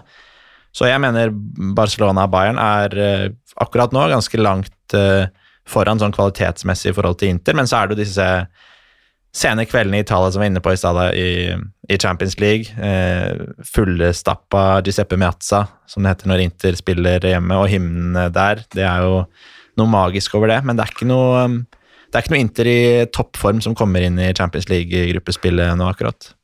får vi se om Lukaku kan levere igjen der. Victoria Pulsen, forresten, bare sånn for å sette de også inn i kontekst, har 5-1-0 uh, på sine seks første i Tsjekkia. Så får vi se om det er godt nok til å hamle opp med Barcelona. Det er det sikkert ikke, da, siden jeg spør så dumme spørsmål. Så får vi bare la den ligge død. Uh, gruppe D er den avgjørende gruppen mellom um, Frankfurt, Sporting, Tottenham og Marseille. Tidligkamp fra Tyskland med Eintracht, regjerende europaligamester, mot Sporting og 4-0 i helgen mot eh, Leipzig. De flyr inn i Champions League-gruppespillet der og skal møte et Sporting som ligger på sjetteplass i Portugal. Du skal kommentere den, Endre. Skal du det? Eh, ja, det skal jeg. Hvorfor må vi glede oss til den? Hvorfor må eh. folk skru på TV2 Sport Premium 2 og se Frankfurt Sporting onsdag 18.45? Uh, nei, det er jo uh, først og fremst et fint vorspiel til kampene klokka ni, da. Uh, nei, men uh, Eintracht Frankfurt har, har De vant jo Europaligaen forrige sesong. Da var jo Jens Petter Hauge der. Sikkert mange som fulgte de litt ekstra tett da. Han er jo ikke der nå lenger. Så har de slurva en del i sesonginnledningen. Begynte jo å tape 1-6 mot Bayern, og så har de løfta seg litt etter hvert. men det er ofte mye mål da, når Eintracht Frankfurt uh, spiller. De vant 4-0 i helgen mot Leipzig. De slo Werder Bremen 4-3. Så um, hvis, uh, hvis, man er, hvis, man er, glad i å se uh, mål da, og publikumsvennlig fotball, så er det jo en fin match å se Eintracht Frankfurt Sporting det. Og Det som er litt gøy med Frankfurt, er at gode, gamle Mario Götze er tilbake igjen i mm. form. Etter sin stoffskift, stoffskiftesykdom, der det var stor tvil om han i hele tatt kom til å komme tilbake inn på banen på noe som helst nivå, så på sånn statistikk over flest antall sprinter og løpsmeter og dette så topper han og, og ja, ligner litt på sitt gamle jeg. Så det syns jeg er gledelig etter alt han har vært igjennom. Mm. En annen som kanskje kan begynne å bli litt sin gamle jeg, skal spille den siste kampen i denne gruppen. For på Marseille der har Alexis Sanchez nå skåret eh, tre mål på fem kamper. Kommer til å få en eh, øredøvende pipekonsert åpenbart når han reiser til Nord-London og skal møte Tottenham, rivalene til sin gamle klubb Arsenal, i uh, det som er en ganske åpen gruppe, egentlig. Uh, litt vanskelig å spå hvem som skal ta de to øverste plassene her, men Tottenham må gjerne finne seg i å være favoritter all den tid de er Premier League-klubb og har kommet godt i gang under Antonio Conte. Vant igjen nå mot Fulham 2-1. Richarlison kom i gang, ikke på skåringslisten, men fikk fra spille fra start. og De har, de har mer å rotere med nå uh, ja, enn, de, enn de har hatt. og Det blir spennende å se hvordan Conte bruker troppen sin fremover. Ja, det er jo Conte har fått ekstremt mye skryt eh, i PL med Tottenham etter han kom inn, men han er jo ikke noe sånn voldsom eh, statistikk egentlig i Champions League.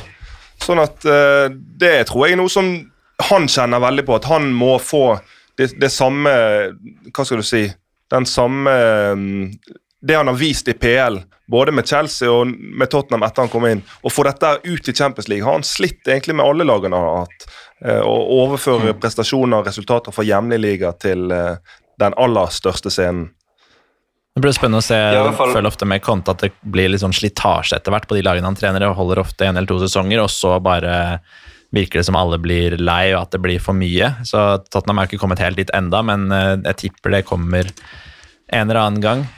Men akkurat nå så er det jo vært fine dager, da.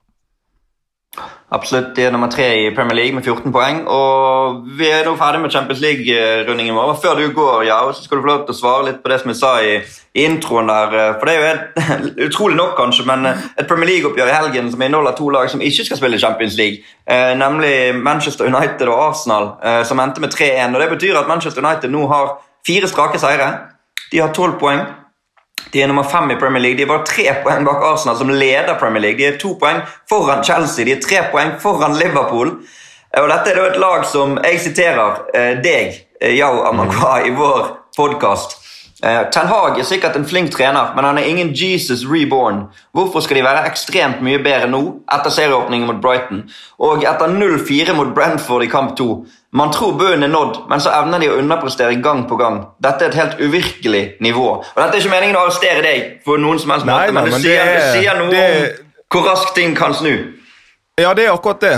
For den Brentford-kampen var et helt uvirkelig bunnivå. Altså, Det er så dårlig som jeg knapt kan huske å ha sett uh, United noensinne. Og så er det det som mm. Ten Hag virker det som han har gjort alt riktig etter den kampen. Og det som har imponert meg mest uh, med Ten Hag etter den kampen, det skal jeg fortelle nå. Det er typisk for en trener som kommer inn i en ny klubb der det er, har vært dårlige resultater, og som skal gape, gape over veldig mye. Og som da prøver å få laget til å ta kvantesprang over til en helt annen stil, til sin stil. Og litt sånn så det ut, spesielt mot Brentford, der de skulle prøve å spille seg ut fra Gea, ble brutt. Eh, pådro seg ekstremt mye dumme brudd i de to første kampene.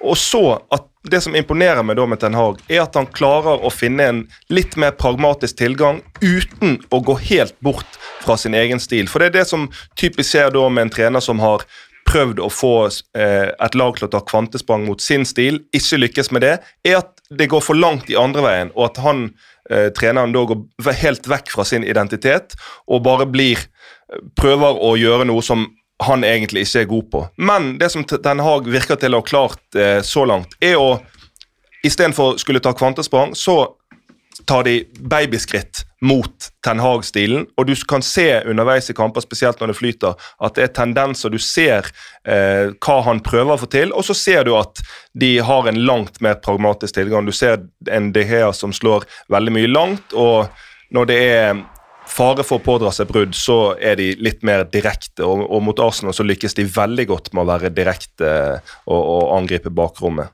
Så det er utrolig imponerende måten han har jobbet med det han har. Og så har han fått, si hva du vil om Glazers, og jeg har vært kritisk til dem, men han har fått eh, backing i transfervinduet til å hente tidligere elever, og nå sist Anthony som debuterer med skåringen. Da, sånn, da blir det jo ikke bedre akkurat her og nå for Ten Hag. Veldig bra, ja. Eh, du har en annen avtale, så du skal få lov å gå videre. Skal vi ta avslutningen her, eh, vi tre andre. Men takk til deg. Takk for at du var Tusen takk. Takk for meg. Da, ja, godt. Syns det er dårlig gjort av meg å ta tak i sånne ekspertuttalelser Solveig, og så slenge det rett i fleisen på han. Nei. det var greit. Ja. Det gir oss jo muligheten til å få forklare òg, da. Så det er jo for så vidt bra. Ja da. Ja, jeg synes det. det er bra. Ja. Det er bra. Um, nevnte også i introen at uh, flere nordmenn enn Erling Braut Haaland som uh, skårer mål. Fordi uh, Joshua King skåret igjen i helgen for uh, Fenerbahçe. Han har tre mål på de tre siste kampene sine, faktisk. Og Sander Berge skåret igjen. Han har tre seriemål på åtte kamper i championship på Sheffield United nå. 14 mål i serien hele karrieren sin, så han er jo på skjema til å få for flere mål i denne sesongen enn han har hatt i hele karrieren sin til sammen. Og så har vi jo en del nordmenn i Serie A også som Nå var det vel ingen som skåret i helgen, Endre, men eh, vi, vi har jo sett um, i hvert fall at folk får spille mer og mer. Og uh, det er lov å glede seg over de norske innslagene i en liga som vi vet at du følger tett.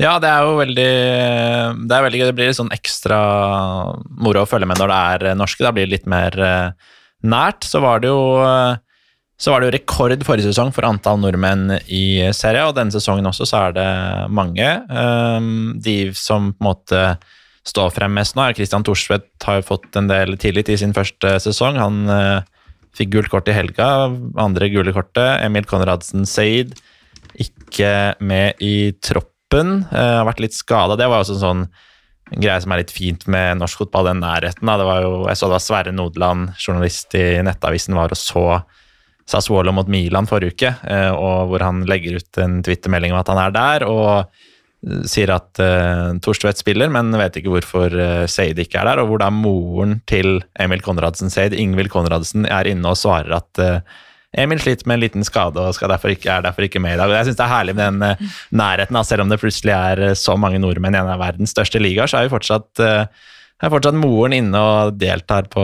diskusjonen på sosiale medier. Så det syns jeg er herlig. Og så har vi jo Yestuar i Napoli, som vi var inne på, som fortsatt er et stykke unna å være fast, men som har gjort tingene sine bra. Den ene matchen han spilte i Salernitana har vi jo tre.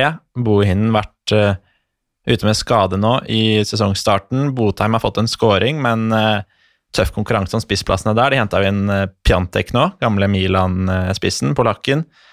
Så han har altså skjøvet ut den tredje nordmannen der, Julian Christoffersen, av troppen. Han var ikke med i troppen i helgen, uh, selv om han har fått spilt i den sesongen, så det ser jo litt mørkt ut for Christoffersen.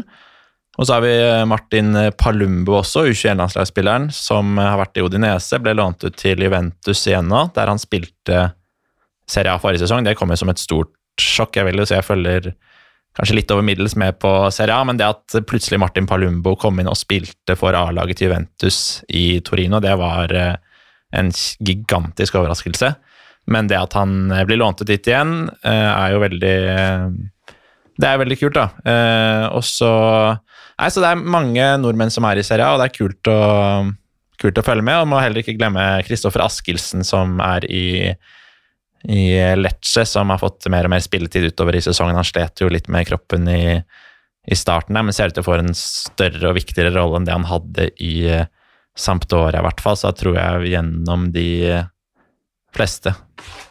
Det blir eh, spennende å se hvordan det går med de utover. Det blir spennende å komme i gang med Champions League, som har vært hovedtema for denne episoden. Solveig. Du gleder deg til å reise til Bergen og se verdens beste by og se verdens beste fotballiga? Jeg gleder meg i hvert fall til å se verdens beste fotballiga, og det er jo allerede spennende kamper fra første runde, så det, altså, de siste åra har Champions League bare tatt helt av. Så det, jeg gleder meg. Og starten er jo også litt spennende, for da har du liksom litt sånn underdogs med, og er det noen som kan sette litt kjepper i hjula for eh, de beste? Og Nei, så jeg gleder meg veldig. Må også bare spille, da, siden vi har rettet ned til å vise La Liga. Det er veldig kult med Jørgen Strand Larsen, som debuterte for eh, Celta Vigo på eh, fredag. Midt i gullrekka der, så jeg vet ikke hvor mange som satt og så Celta Vigo Cádiz, men han hadde jo en veldig bra målgivende pasning. Og får masse skryt i Spania, og Celta har jo en enorm fanskare, og de er veldig veldig fornøyde med han. Han ble henta for utrolig mye penger, så det er en del forventninger. Men eh, nei, det syns jeg var uh, moro. Så er jo Sørloth tilbake i Real Sociedad også, og starta jo på lørdag mm. mot Atletico. Men uh, det er veldig kult med Strand Larsen, så er jo ja, Du som er quizmasterens far, da, Helge. Er det, det tredje nordmannen i Celta Vigo? Klarer, klarer vi de to andre som har vært der? Jeg tror Dan Eggen. Altså, det er jo Dan Eggen. Den er til Helge, helt klart. Ja, altså Var Demidov innom der òg? Ja, ja, Ja, og så er det Dan Eggen. ja. Ja. Du har Ja, men da kontroll. har vi det da. Var for lett. Ja, ja, ja, Det nesten litt kjedelig. Jeg trodde jeg skulle ha en liten utfordring her, men eh, det har ikke vært så mange nordmenn. Han er vel ellevte nordmann i La Liga, men vi har to nå, og det er i hvert fall eh, Det er kult at det skjedde litt på overgangsvinduet på slutten der eh, for de, for de norske gutta. Da har vi en i Celta og en i Real Sociedad. Absolutt. Og um, det var vel Alexander Sørloth mot Atletico forrige helg, og det er Jørgen Strand Larsen mot Atletico kommende helg. Det er vel lørdag klokken ni, så den er det bare å tune inn på. Så kanskje vi får norske målskårere i, uh, i um, La Liga også fremover. Og hvis ikke du fikk nok Champions League, så kan du faktisk, hvis du hører denne episoden nå med en gang han slippes omtrent, så kan du se en sånn forhåndsprogram som vi skal ha på før Uefa Champions League. Eh, klokken åtte i kveld på TV2.no og TV2 Play. Så det er bare å glede seg. Jeg nevnte også i begynnelsen at det er bursdag, for i dag er jo det bursdagen til TV2. 30 år. 5. september. Men det er også bursdagen til Jon Carew, Erik Huseklepp og Paul Breitner. Og da kan jeg ha et quiz-spørsmål til dere, for jeg har autografen til en av de tre. Hvem tror dere jeg har autografen til av de tre? Solveig?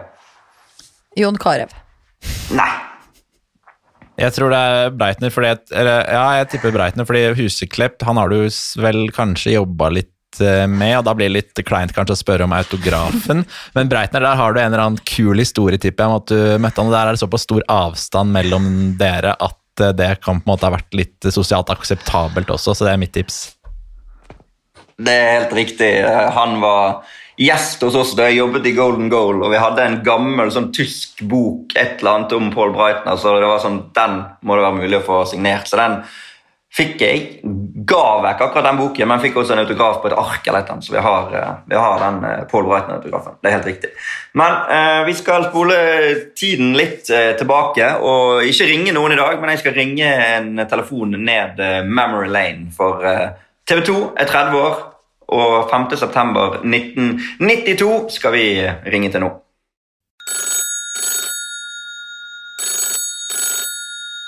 Det er 5. september 1992. TV 2 skal åpne for kvelden. I Norge leder Rosenborg serien på målforskjell foran Kongsvinger og Start, selvfølgelig. Regjerende mester Viking er nest sist. Kun to uker før debuten deres i nyvinningen Champions League, der regjerende mester Barcelona venter i første runde. I den runden er også regjerende førstedivisjonsmester i England, Leeds, som selvfølgelig også er blant favorittene i nyvinningen Premier League. En liga som har eksistert i tre uker. Leeds er nummer åtte. Kun eh, poenget bak et Manchester United som til tross for at de ikke har vunnet serien i England på godt over 20 år, er nevnt blant favorittene. Og etter en grusom start med to strake tap har Manchester United nå medvind i seilene og tre strake seire. Ja, det blir faktisk fire nettopp eh, denne uken som vi er inne i. Hmm. Høres det kjent ut? Norwich leder selvfølgelig Premier League foran Everton, Coventry, Blackburn og Queens Park Rangers. Sånn var det jo på den tiden i 1992. Og Norge skal om fire dager gyve løs på VM-kvalifiseringen før mesterskapet i USA om to år. Og som fjerdesidet lag og trukket i pulje med gigantene England og Nederland er det selvfølgelig ingen som snakker om å kunne kvalifisere seg for noe VM. Norge har jo heller ikke vært i et mesterskap på 54 år, så vi får vel heller glede oss over at Danmark vant EM i sommer, og at Sverige har et lag som i hvert fall kom seg til VM, da, selv om de selvfølgelig også er langt unna å kunne prege et eh, sånt mesterskap. De norske kvalikene i det siste har jo ikke vært noe å juble for, og i de to siste kvalikene til EM og VM har vi kun vunnet fem kamper til sammen. Og fire av de var mot Kypros. Så får vi se da om den ene seieren mot Italia i fjor sommer kan være starten på et eventyr under denne litt rare Egil Olsen som kom fra sidelinjen og fra idrettshøyskolen og nå skal prøve å redde Norges fotballære. Det er vel lite sannsynlig. Men vi får se.